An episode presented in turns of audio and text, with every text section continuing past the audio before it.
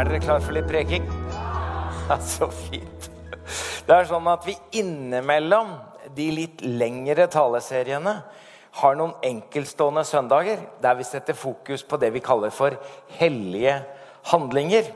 Det er rett og slett for å fordype, men også utvide forståelsen av det som kan kalles kirkelige handlinger eller felles praksiser. Og Da har vi f.eks. satt fokus på dåp, setter fokus på nattverd, håndspåleggelse, og som i dag givertjeneste. Og så ønsker jeg å koble givertjeneste til tilbedelse.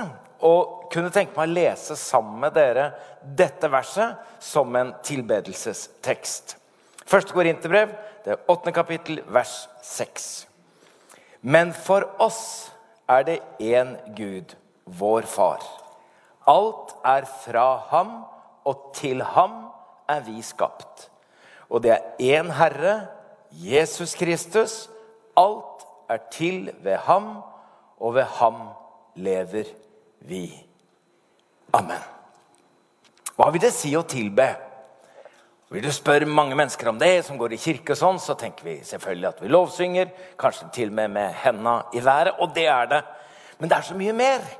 Og Hvis du leiter etter synonymer på det å tilbe, så vil du finne f.eks. hylle, verdsette, anerkjenne, lovprise, se opp til, bøye seg i støvet for, forherlige og gi ære. Og hvem er da tilbedere? Og det som overrasker, er da at alle er tilbedere. Ikke bare religiøse eller kristne, for den saks skyld.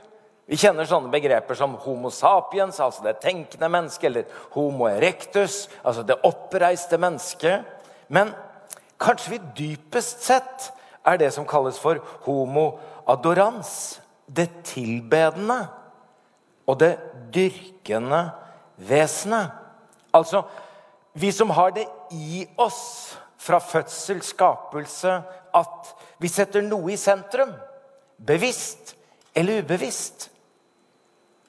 Det ligger dypt i vår natur. Derfor så er alle mennesker, iallfall etter min oppfatning, dypest sett religiøse. Enten de tilber Gud eller tilber noe annet. Romerbrevet 1, vers 25 sier dette. De byttet ut Guds sannhet med løgn og tilba og dyrket det skapte i stedet for skaperen, han som er velsignet i evighet. Amen. Så det er ikke sånn at det sekulære mennesket har sluttet å tilbe. Nei, det sekulære tilber bare noe annet enn Gud. Det betyr at det sekulære mennesket dyrker pengene, populariteten. Vi setter tryggheten og kontrollen i sentrum. Vi gjør artister og idrettsstjerner til våre idoler. Og så er vi naturlig nok fans av litt ulike fotballag. Også noen i Vålerenga. Per Johansen traff jeg i forbindelse med at vi lagde et program som vi kalte Søndagsåpent. Dette er 2002, og jeg traff Per da det avtalte et møte utafor Vålinga kirke, i parken der. Per er nummer i klanen, i medlem altså i supporterklubben til Vålerenga, eh, og blir kalt vaktmesteren. Per var skilt, og han siterer for meg kona, hva hun var opptatt av, altså ekskona. Først kommer Vålerenga, så kommer ungen. Så kommer bilen, og så kommer jeg. Og så sier Per Og jeg kunne jo ikke si imot det. Og så legger han til Men man kan jo være glad i noen selv om ikke de er først på lista. Eh, per gifta seg igjen. Og da hadde han funnet en som syntes det var greit å kanskje være litt ned på lista. For han sa til meg også at familien min fortsatt inviterer meg på sånne konfirmasjoner og sånne familiegreier. og sånn. Når de veit at det er hjemmekamp for Vålerenga. De skjønner jo at jeg ikke kommer på sånt da. Og jeg sier til Per da, ja, men, ja, men, men, men, tenk da, Per, hvis, hvis, hvis uh, Vålerenga rykker ned. Og så sier Per da har du solgt hjertet ditt til en klubb, så kutter du den ikke ut selv om han rykker ned. Og det å si med ett år i førstedivisjon hvis du skal holde med laget ditt i de 50 neste? Han hadde jo et poeng.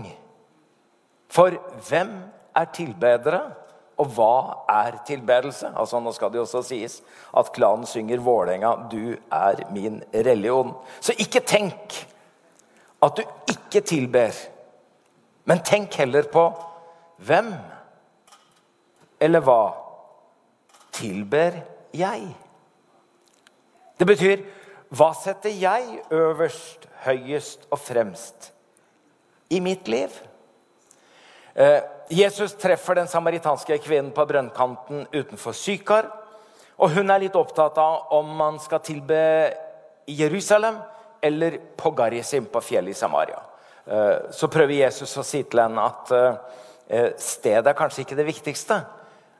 Og jeg legger til kanskje ikke engang formen. Men så sier Jesus, Johannes 4, vers 23, den time kommer, ja, den er nå da de sanne tilbedere skal tilbe Far i ånd og sannhet. For slike tilbedere vil Far ha. Altså ikke først og fremst et sted eller en form, men et hjerte. Gud søker sanne tilbedere, og sanne tilbedere setter det første først. Altså at de er bevisste på hva de setter øverst, og hva de gjør først. Jesus underviser om bekymringer og alt det som kan oppta oss. Ja, også det sekulære mennesket. Og han sier i Matteus 6, vers 31.: Så gjør dere ikke bekymringer og si:" Ikke 'hva skal vi spise', eller 'hva skal vi drikke', eller 'hva skal vi kle oss med'? Alt dette er hedningen opptatt av. Men den far dere har i himmelen, vet jo at dere trenger alt dette. Og så kommer det kjente. Søk først Guds rike og hans rettferdighet. Så skal dere få alt det andre i tillegg. Så gjør dere ingen bekymringer for morgendagen. Morgendagen skal bekymre seg for seg selv. Hver dag har nok med sin egen plage. Jeg tror tanken kan være dette. At det vi søker først, det vi setter øverst, det angir kurs. Og det gir retning. Og at det vi begynner med, det preger fortsettelsen.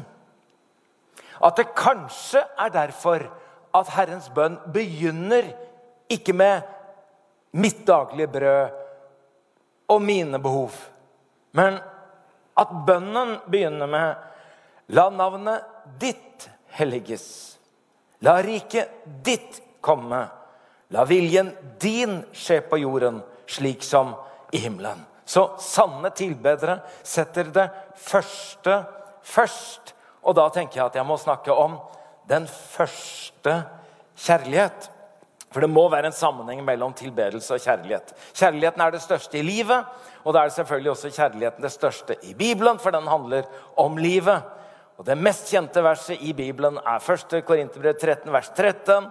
Så blir de stående disse tre, tro, håp og kjærlighet, men størst blant dem er Ja, det kunne dere, men størst blant dem er kjærligheten. For vi er skapt av kjærlighet. Og derfor handler livet om å elske og la oss elske. Det er en sånn lovkyndig mann som kommer til Jesus for å sette han litt fast og sette han på prøve. Og han spør hva som er kortversjonen i Jesus. Eh, hva som er det største og første budet? Største budet i loven. Og så sier Jesus, du skal elske. Det er det det handler om. Det største budet er at du skal elske. Og så skal du elske Herren din Gud av hele ditt hjerte, all din forstand, hele din sjel og din neste som deg selv. Og lurer du på hva livet handler om? Jo, det handler om å elske Gud. Og så handler det om å elske mennesker. Ja, Men hvorfor må vi elske deg først, Gud? Er ikke det veldig selvopptatt, da? At du hele tiden holder på med dette. At det største først, og den første kjærligheten er å elske Gud. Er Gud virkelig så selvopptatt at han må f.eks. i det første budet av de ti si dere skal ikke ha noen andre guder enn meg?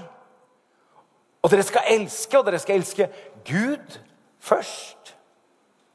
Er Gud virkelig så selvopptatt? Jeg tenker at det er motsatt. Fordi Gud er kjærlighet, er han opptatt av oss. Og han vet at vi av natur er homoarrodans. Vi er eh, tilbedende, og vi er dyrkende.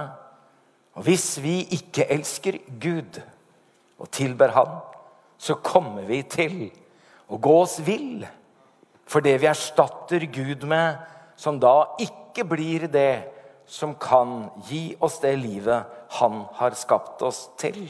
Vi blir vår egen avgud. For vi gikk jo fra å være teosentriske, gudsentrerte, til å bli egosentriske, selvopptatt. Og når Jesus kom, så var det jo ikke bare for å frelse oss fra rusk og rask. Men han kom for å frelse oss fra oss selv, for å rykke oss ut av vår kretsing rundt vårt eget liv. Og koble oss til den store kjærligheten. For Gud er kjærlighet, og den som blir i kjærligheten, blir i Gud og Gud i ham. Vi elsker fordi Han har elsket oss først. Henger dere med? Jeg tror altså at dette ikke først og fremst handler om Guds behov, men våre behov. Gjøre det første først, den første kjærligheten til Gud. De religiøse lederne holdt jo stadig vekk på å prøve å få fanget Jesus, sånn at han kunne få satt dem opp mot romerne, så romerne, okkupantene, også skulle kvitte seg med Jesus på deres vegne. Og De tenkte jo at romerne er veldig opptatt av at alle jøder skal betale skatt, så da kanskje vi kan ta han for skattenekt. Og Så kommer de og spør er det tillatt å betale skatt til keiseren eller ikke. Det var jo ikke særlig populært blant jødene å betale skatt. Men han merket deres baktanker og sa til dem, 'Vis meg en denar.' Hvem har sitt bilde og sitt navn her? Keiseren, svarte de altså. Keiser Tiberius. Og da sa han til dem, så gi keiseren hva keiserens er, og Gud hva Guds er. Dette er jo bare en mynt for oss, men for jødene var det å avbilde noe, levende vesen, det var forbudt i forhold til deres tradisjon og tro. Så det å avbilde et menneske, for eksempel, som keiser Tiberius hadde gjort, det var avgudsdyrkelse. Og Nå kommer altså de religiøse jødiske lederne med dette og skal prøve å sette Jesus fast med det. Og ikke nok med at det er et bilde av keiseren, men på baksiden av dette så står det jo Pontifex Maximus, som egentlig da betyr øverste prest. For de er jo ikke fornøyd med å ha politisk makt. De vil ha guddommelig makt og de vil bli tilbedt. Ligner på flere statsledere også i våre dager. Og det er som om Jesus sier Er det tillatt å gi keiseren skatt? Ja, la han beholde de blasfemiske pengene sine. Men dere skal gi det som Gud skal ha. Gi Gud det Guds er. Ikke gi det til keiseren. Så du må gjerne bruke pengene, men ikke la mammon få hjertet ditt. Du må gjerne tjene pengene, men ikke la pengene bli din Gud. Det kommer brev til menighetene i Lille-Asia. Det er syv menigheter, og det er syv brev. Og I disse brevene så er det mange bekreftelser og en del formaninger. Så er det menigheten i Efesus som får anerkjennelse for sin iver og sin, eh, sine gjerninger, for sin holdning i forhold til ondskap. Og så har de til og med avslørt falske apostler. Men dette har jeg mot deg. Du har forlatt din første kjærlighet. Tenk på hvor du sto før du falt. Vend om og gjør de gjerningene du gjorde før. Ja, men vi gjør jo de samme gjerningene. Vi, vi, vi er jo ivrige. Vi gjør de gode gjerningene. Vi, vi, er imot det som er ondskap. Og så har vi avslørt disse falske apostlene. Ja, men eh, dere har forlatt den første kjærligheten. Når folk hører den første kjærligheten, så tenker de alltid på Jahn Teigen. Første kjærlighet Altså, hvem var jeg var forelska i først igjen? Hvem var, hva het hun igjen? Men det er ikke sikkert at det er sånn det er. Altså hvem jeg ble forelska i først. Men min første kjærlighet er hvem som er den viktigste personen i livet mitt nå. Og det er den kjærligheten menigheten i Efesus har forlatt. At Gud er i sentrum. At Gud er øverst. At Gud kommer først. Og det er den kjærligheten, det er den type tilbedelse Gud søker. For han er jo ikke ute etter våre tjenester. Han er heller ikke ute etter våre penger og gaver. Men han søker våre hjerter. Jeg tror det er en sammenheng mellom tilbedelse og tid, eller tidsbruk. Jeg får lyst til å si noen ord om den første dagen i uka. De første kristne holdt jo sabbaten i solidaritet for jødene. Eh, selv om de hele tiden feiret Jesu oppstandelse på søndag morgen. Men når de kristne etter hvert så ble drevet ut og presset ut av synagogene, så ble det mer og mer vanlig å feire søndagen. Jesu oppstandelsesdag. Og Vi ser til med spor av det så tidlig som i Apostelens gjerninger 20, vers 7. Den første dagen i uken var vi samlet for å bryte brødet. Paulus talte til dem, og han holdt på helt til midnatt. Det er der jeg mener at vi har altfor korte prekener. Du må holde på lenge regel. Han holdt på helt til midnatt siden han skulle reise neste dag. Det er bibelske med lange prekener. Men det var altså første dag i uken, og vi ser det allerede tidlig i Apostelens hjerne. Det har blitt vanlig å møte søndag for å bryte brød. Selv om det tok helt fram til år 321 at keiser Konstantin bestemte at i det store riket så skulle søndagen være allmenn helligdag og fridag. Det var den dagen som skulle være helligdagen. Så har muslimene fredagen, så har jødene lørdagen, og så har de kristne søndagen. Og jeg tror egentlig ikke at dagen er så viktig, men jeg tror at tiden er viktig. Og kanskje også at det er noe spesielt i den første tiden. Altså at det vi gjør først gir retning og setter kurs. At det vi begynner med, preger fortsettelsen. Og søndag er jo den første dagen i uken.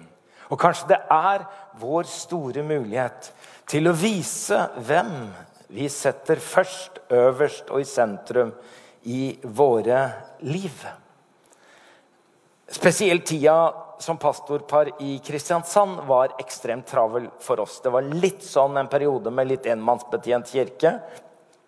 Men så hadde vi også fem barn som var født på under åtte år, og det var rimelig tett. Og de var ganske små. Eh, så prøvde jeg å leve et liv, og vi lever et liv i sånn spenning med at pastorer de jobber både dag og kveld, og så jobber de både hverdag og helg. Og så er det sånn at Søndag er liksom en veldig viktig dag, så det preger selvfølgelig lørdagen. Og så er sånn høytider det er høysesong. Eh, og midt oppi dette skal man være familiefar, og så prøver jeg å si hele tiden jeg er veldig glad i dere. Jeg er utrolig glad i dere, jeg har bare ikke tid til å være sammen med dere. Ja, Det er ikke det at jeg ikke er glad i dere, altså. Men, men, men, men jeg kan ikke Vi fant vår løsning. Eh, det ble for oss torsdag. Ungene hadde vært barnehage, eh, skole. Så var det sånn torsdag ettermiddag, hellig tid. Det var liksom sånn Ingen får være viktigere enn dere og oss sammen denne torsdag ettermiddagen. Eh, så jeg holdt unna, og vi holdt unna alt vi kunne. Fordi vi måtte på et eller annet tidspunkt kunne signalisere at dere er nå og her de viktigste i vårt liv. Du syns kanskje det var en litt rar ordning men det ble viktig for oss. Og jeg har en sånn følelse av at jeg data familien hver torsdag ettermiddag. At jeg data kona, og at vi bare sa Det er oss her. Så når jeg kommer på gudstjeneste søndag, så er det litt sånn følelsen av Vi har satt av en tid. En hellig tid på en hellig dag. Fordi vi har et ønske om å si til Gud at du er viktig i livet vårt. Sånn at det å komme sammen og feire gudstjeneste er på en måte å være på date med Jesus og hverandre for å si dette er vår hellige tid. For vi tror at tilbedelse handler også om hvordan vi bruker og forvalter tid. Og så tror vi at det du gjør først, det angir retning og setter kurs. og at begynnelsen preger fortsettelsen. Sånn at søndagen kan preke, prege alle hverdagene. Og til slutt jeg har lyst til å si litt om at sanne tilbedere setter det første først, og dermed så gir vi det første av det vi tjener. For det er en sammenheng mellom tilbedelse og forvaltning. Og alle, forvalt, alle som forvalter et eller annet, de må jo prioritere for hvem eller hva skal komme først. Og Jeg elsker historien om Knut, eh, som fikk to kroner av moren sin. Han skulle på søndagsskolen og gå selv. Det var eh, lenge siden, skjønner du. Eh, og, og, to kroner høres kanskje ikke så mye ut i dag, men P Knut fikk veldig tydelig beskjed at du skal gi én krone i kollekten, og så skal du kjøpe deg en kroneis på veien hjem fra søndagsskolen. Og Den gangen så kostet kroneisen det den heter. Og han gleda seg. Storveis. To kroner var mye for Knut. Og Så går han på vei til søndagsskolen, tatt den ene krona opp av lomma, går og knipser og løfter og tar imot. og Alt er bare velstand. Og så klarer han ikke å fange krona. Og så ramler den ned og begynner å trille bortover fortauskanten. Og så ser han at den tipper utfor og rett ned i sluket. Og han skjønner jo at den krona er borte for godt. Så da ser Knut opp mot himmelen og sier, 'Det var leit, Gud, for det var krona di'. Og akkurat den følelsen syns jeg jeg ofte har. altså. Eh, du skulle gjerne ha fått noe tid, Gud, men den ble borte. Eh, jeg ville gjerne ha gitt deg ressurser og talenter og det jeg har, men, men det var så mye annet.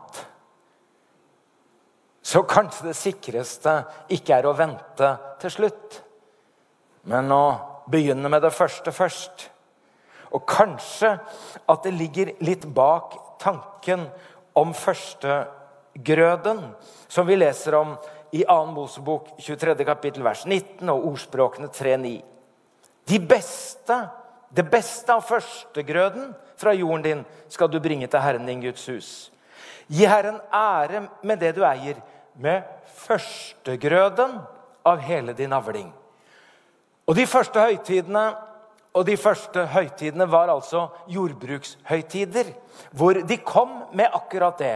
Eh, det førstefødte husdyr av hannkjønn, første modne grøden fra jorda, det første modne frukten fra trærne. For det du gjør først, det setter kurs og angir retning. Og det du gjør i begynnelsen, preger fortsettelsen. Så det første du gir, gir du til Gud. I 1. Timotius brev, det 6. kapittel, vers 10, så står det for kjærligheten til penger er roten til alt ondt. Og da tenker jeg kanskje det er derfor jeg må gi først til Gud. Fordi hvis penger er roten til alt ondt, så er selve givertjenesten en motgift mot avgudsdyrkelsen. Altså, det er fint at jeg kan gi til noe som trenger det. Men jeg trenger å gi. Jeg er avhengig av det å kunne gi først. For å ikke ende opp i at alt handler om meg og mitt. Jeg tenker at det er en tilbedelse som motvirker avgudsdyrkelsen. Ehm, jeg gikk med avisen Aftenposten sammen med broren min. Han var gammel nok, han var 16 og jeg var 14.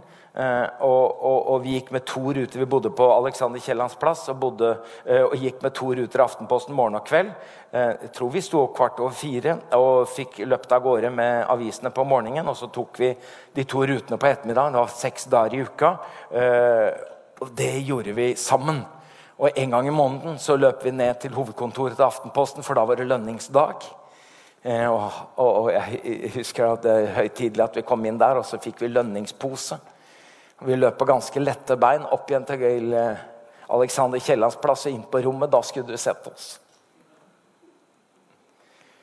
Vi tok opp pengene fra lønningsposen, og det var hver måned. Vi var ikke spesielt fromme. Det var ikke det at noen hadde sagt at sånn må dere gjøre, men vi trodde at det var sånn det skulle være. Så telte vi opp hver 10% og vi var på øret. Så tok vi fram den konvolutten vi hadde, hvor det sto 'misjon'. Og så la vi disse 10% oppi denne konvolutten hvor det sto 'misjon'. Og så tenkte vi at det er ikke våre penger, det er Guds penger. Det høres fromt ut, jeg vet det. Kanskje ikke verken misjon eller Gud trengte de pengene. Men kanskje vi trengte. Som egentlig har så lett for å Det er meg. Det er mitt. Det er alltid meg først. Vi lærte jo det til og med når vi satt oss til bords og vi hadde gjester. Nei, ikke, ikke dere nå, gutter! Ikke dere, Vi var fem brødre. Ikke dere nå. Gjestene først. Og det er jo litt sånn Ja, men hvorfor må andre før oss? Ja, vi skjønner det når det er kongen, og det er brudeparet, og det er jubilanten og det er hedersgjesten. Men kanskje noen over kongen, som er kongenes konge og Gud. At det bare skulle bli en vane. Det kommer jo fra han. Og han er sentrum, det første og største i livet vårt. At vi ikke gir driks hvis vi får noe til overs, verken av tid eller ressurser. Men gi først. For det vi gjør først, det angir kurs og retning. Begynnelsen preger fortsettelsen. I Flaufjella har vi seks hensikter. Disippelskap, fellesskap, dele tro, sende ut mennesker som deler tro på andre steder. Men en av våre hensikter er tilbedelse. Og vi har prøvd å romme denne tenkningen i det vi her formulerte for mange år siden. Nå kan ikke jeg si at nå skal vi bekjenne dette sammen, men det er veldig fint hvis vi kan lese det sammen. Det vi har formulert som tilbedelse for oss, felles og sammen. Vi vil gjøre Jeg hører dere ikke helt? Er dere der? Kom igjen. Vi vil gjøre tilbedelse til en livsstil og ære Gud med hele vårt liv. Gi ham det første av vår tid og det vi tjener, og det beste av de gavene vi forvalter. Herre, vi erkjenner at vi er skapt som eh, homo-arrodans, som tilbedere. Derfor ber jeg deg om at vi aldri finner substitutter som sentrum i vårt liv. Men som du alltid får lov å være det største og første fordi du er kjærligheten. Og den som blir i deg, blir i kjærligheten. Amen. Det er sånn at vi i mange år eh, har praktisert det sånn at to ganger i året både vår og høst setter vi av én søndag med et spesielt fokus på fast givertjeneste. Og det er jeg utrolig lykkelig for at vi begynte med for mange år siden. For når det plutselig kommer en pandemi som dette, hvor man over en periode ikke engang kan ha fellesgudstjenester, og når man har det, så kan man ha det med redusert antall, eh, da er jeg glad for at menighetens og kirkas økonomi ikke bare går som et ras. Eh, så jeg hørte at eh, ved utgangen av eh, august, altså i overgangen til september, så ligger vi omtrent der vi skal i forhold til budsjettet. Og det skyldes at så mange i denne kirka er med i fast givertjeneste. Det betyr at den ikke er avhengig av at man er på gudstjeneste eller har tilfeldigvis noen penger i lomma eller på kontoen, men at man har bestemt seg for at man skal være med i den faste givertjenesten. Eh, det er jo sånn at eh, Totalbudsjettet vårt er på ca. 22 millioner.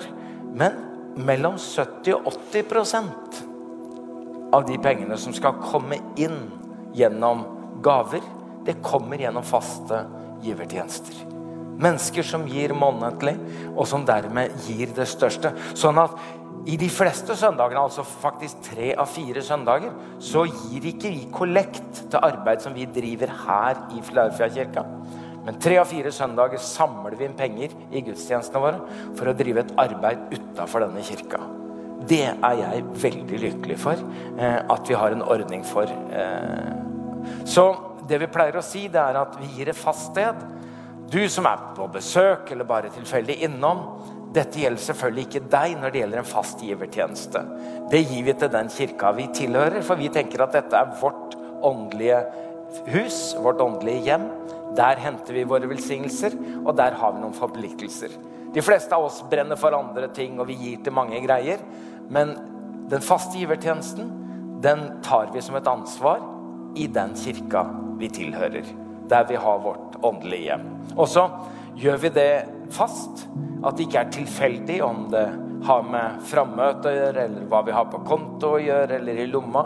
Men at vi kan gjøre dette fast. De fleste får lønn hver måned. De fleste utbetalinger skjer hver måned. Så vi legger oss i et forberedt system. Eh, og så tenker vi at det er et fast beløp. Nå vet jeg at tienden høres utrolig mye ut for mange. Og særlig hvis man ikke har lært det eller vokst opp med det, så kan det være for mye å begynne på. Men eh, tenk at du bygger et gulv og at det gulvet du siden kan stå på, det er tienden. Det betyr at det kan ta tid å få bygd det gulvet. Du begynner på 1 du er på 2 du er på 4% Men kanskje at du ikke skal tenke at tiende er et tak. Men det er noe du kan bygge som et gulv for en givertjeneste. Så jeg oppmuntrer deg til å begynne, selv om beløpet er lite, men at du kommer i gang med en fast givertjeneste. Vanligvis så gjør vi det sånn at folk får en sånn lapp på disse søndagene, og så fyller vi ut, og så har vi til og med offergang for å gjøre dette litt høytidelig. Vi kan jo ikke komme med plommer og bærer og, og lam og, og, sånn som jødene gjorde. Vi må komme liksom med penga våre, og da, for å gjøre litt høytid så pleier vi å gå en offergang eh, til kurver her. Det får vi jo ikke gjort. Det er koronatider. Så vi gjør det digitalt, så nå er det bare å ta fram telefonen. Men Kanskje jeg skal minne om da at Paulus knytter denne ordningen også til sånn fast, planlagt orden. Og han snakker også om den første dagen. Eh, han samler inn til de fattige i Jerusalem og vil at de i Korint skal forberede seg på det faste. Så første dag i uken skal hver enkelt av dere hjemme hos seg selv legge til side så mye som dere er i stand til. Syns jeg er vakkert sagt. Så mye dere er i stand til. Han setter ikke ett beløp eller 1% for alle, men så mye du er i stand til. Tenk på det. Og så er det dette digitale. Nå er det lov å ta fram telefonen, folkens. Endelig var det lov. Ja, men. Eh, og ikke bare lov, men det er helt nødvendig hvis vi skal få gjort dette. Og hvis du ikke har meldt deg før, har dette som ditt åndelige så er dette en fantastisk måte å starte på. Er du i ordningen, men trenger å justere beløpet, så er dette også viktig. Du går inn på philadelphia.no gi, og så ser du at midt på siden så er det å trykke på for å signere en avtale. På neste side så velger du hvilken forsamling som du tilhører av våre forsamlinger. Ser du beløp og forfallsdato, og så går du i neste og fyller ut navn og det som er opplysninger som gjør at dette blir en gyldig avtale med banken. Og det er ganske fint at vi kan gjøre det på den måten. Og dere får litt tid til å regne og tenke og be. Og trykke og ordne alt. Og hvis du syns den digitale løsningen er litt krevende, for du husker ikke på om du skal gjøre sånn eller sånn, så kan du få med deg en sånn ved utgangen. Så kan du ta med deg den hjem, og så kan du fylle ut det når du har litt bedre tid. Nå får vi sånn par-tre minutter bare med litt musikk, og så kan du sitte og trykke og se på denne løsningen. Og da vet vi at vi vanligvis pleier også å samle inn kollekt på VIPS for tida. Så kan vi gjøre begge deler samtidig. Både om det er noe du vil gi i denne gudstjenesten, eller om du vil melde deg til fast givertjeneste. Fint! Dere har et par-tre minutter på det.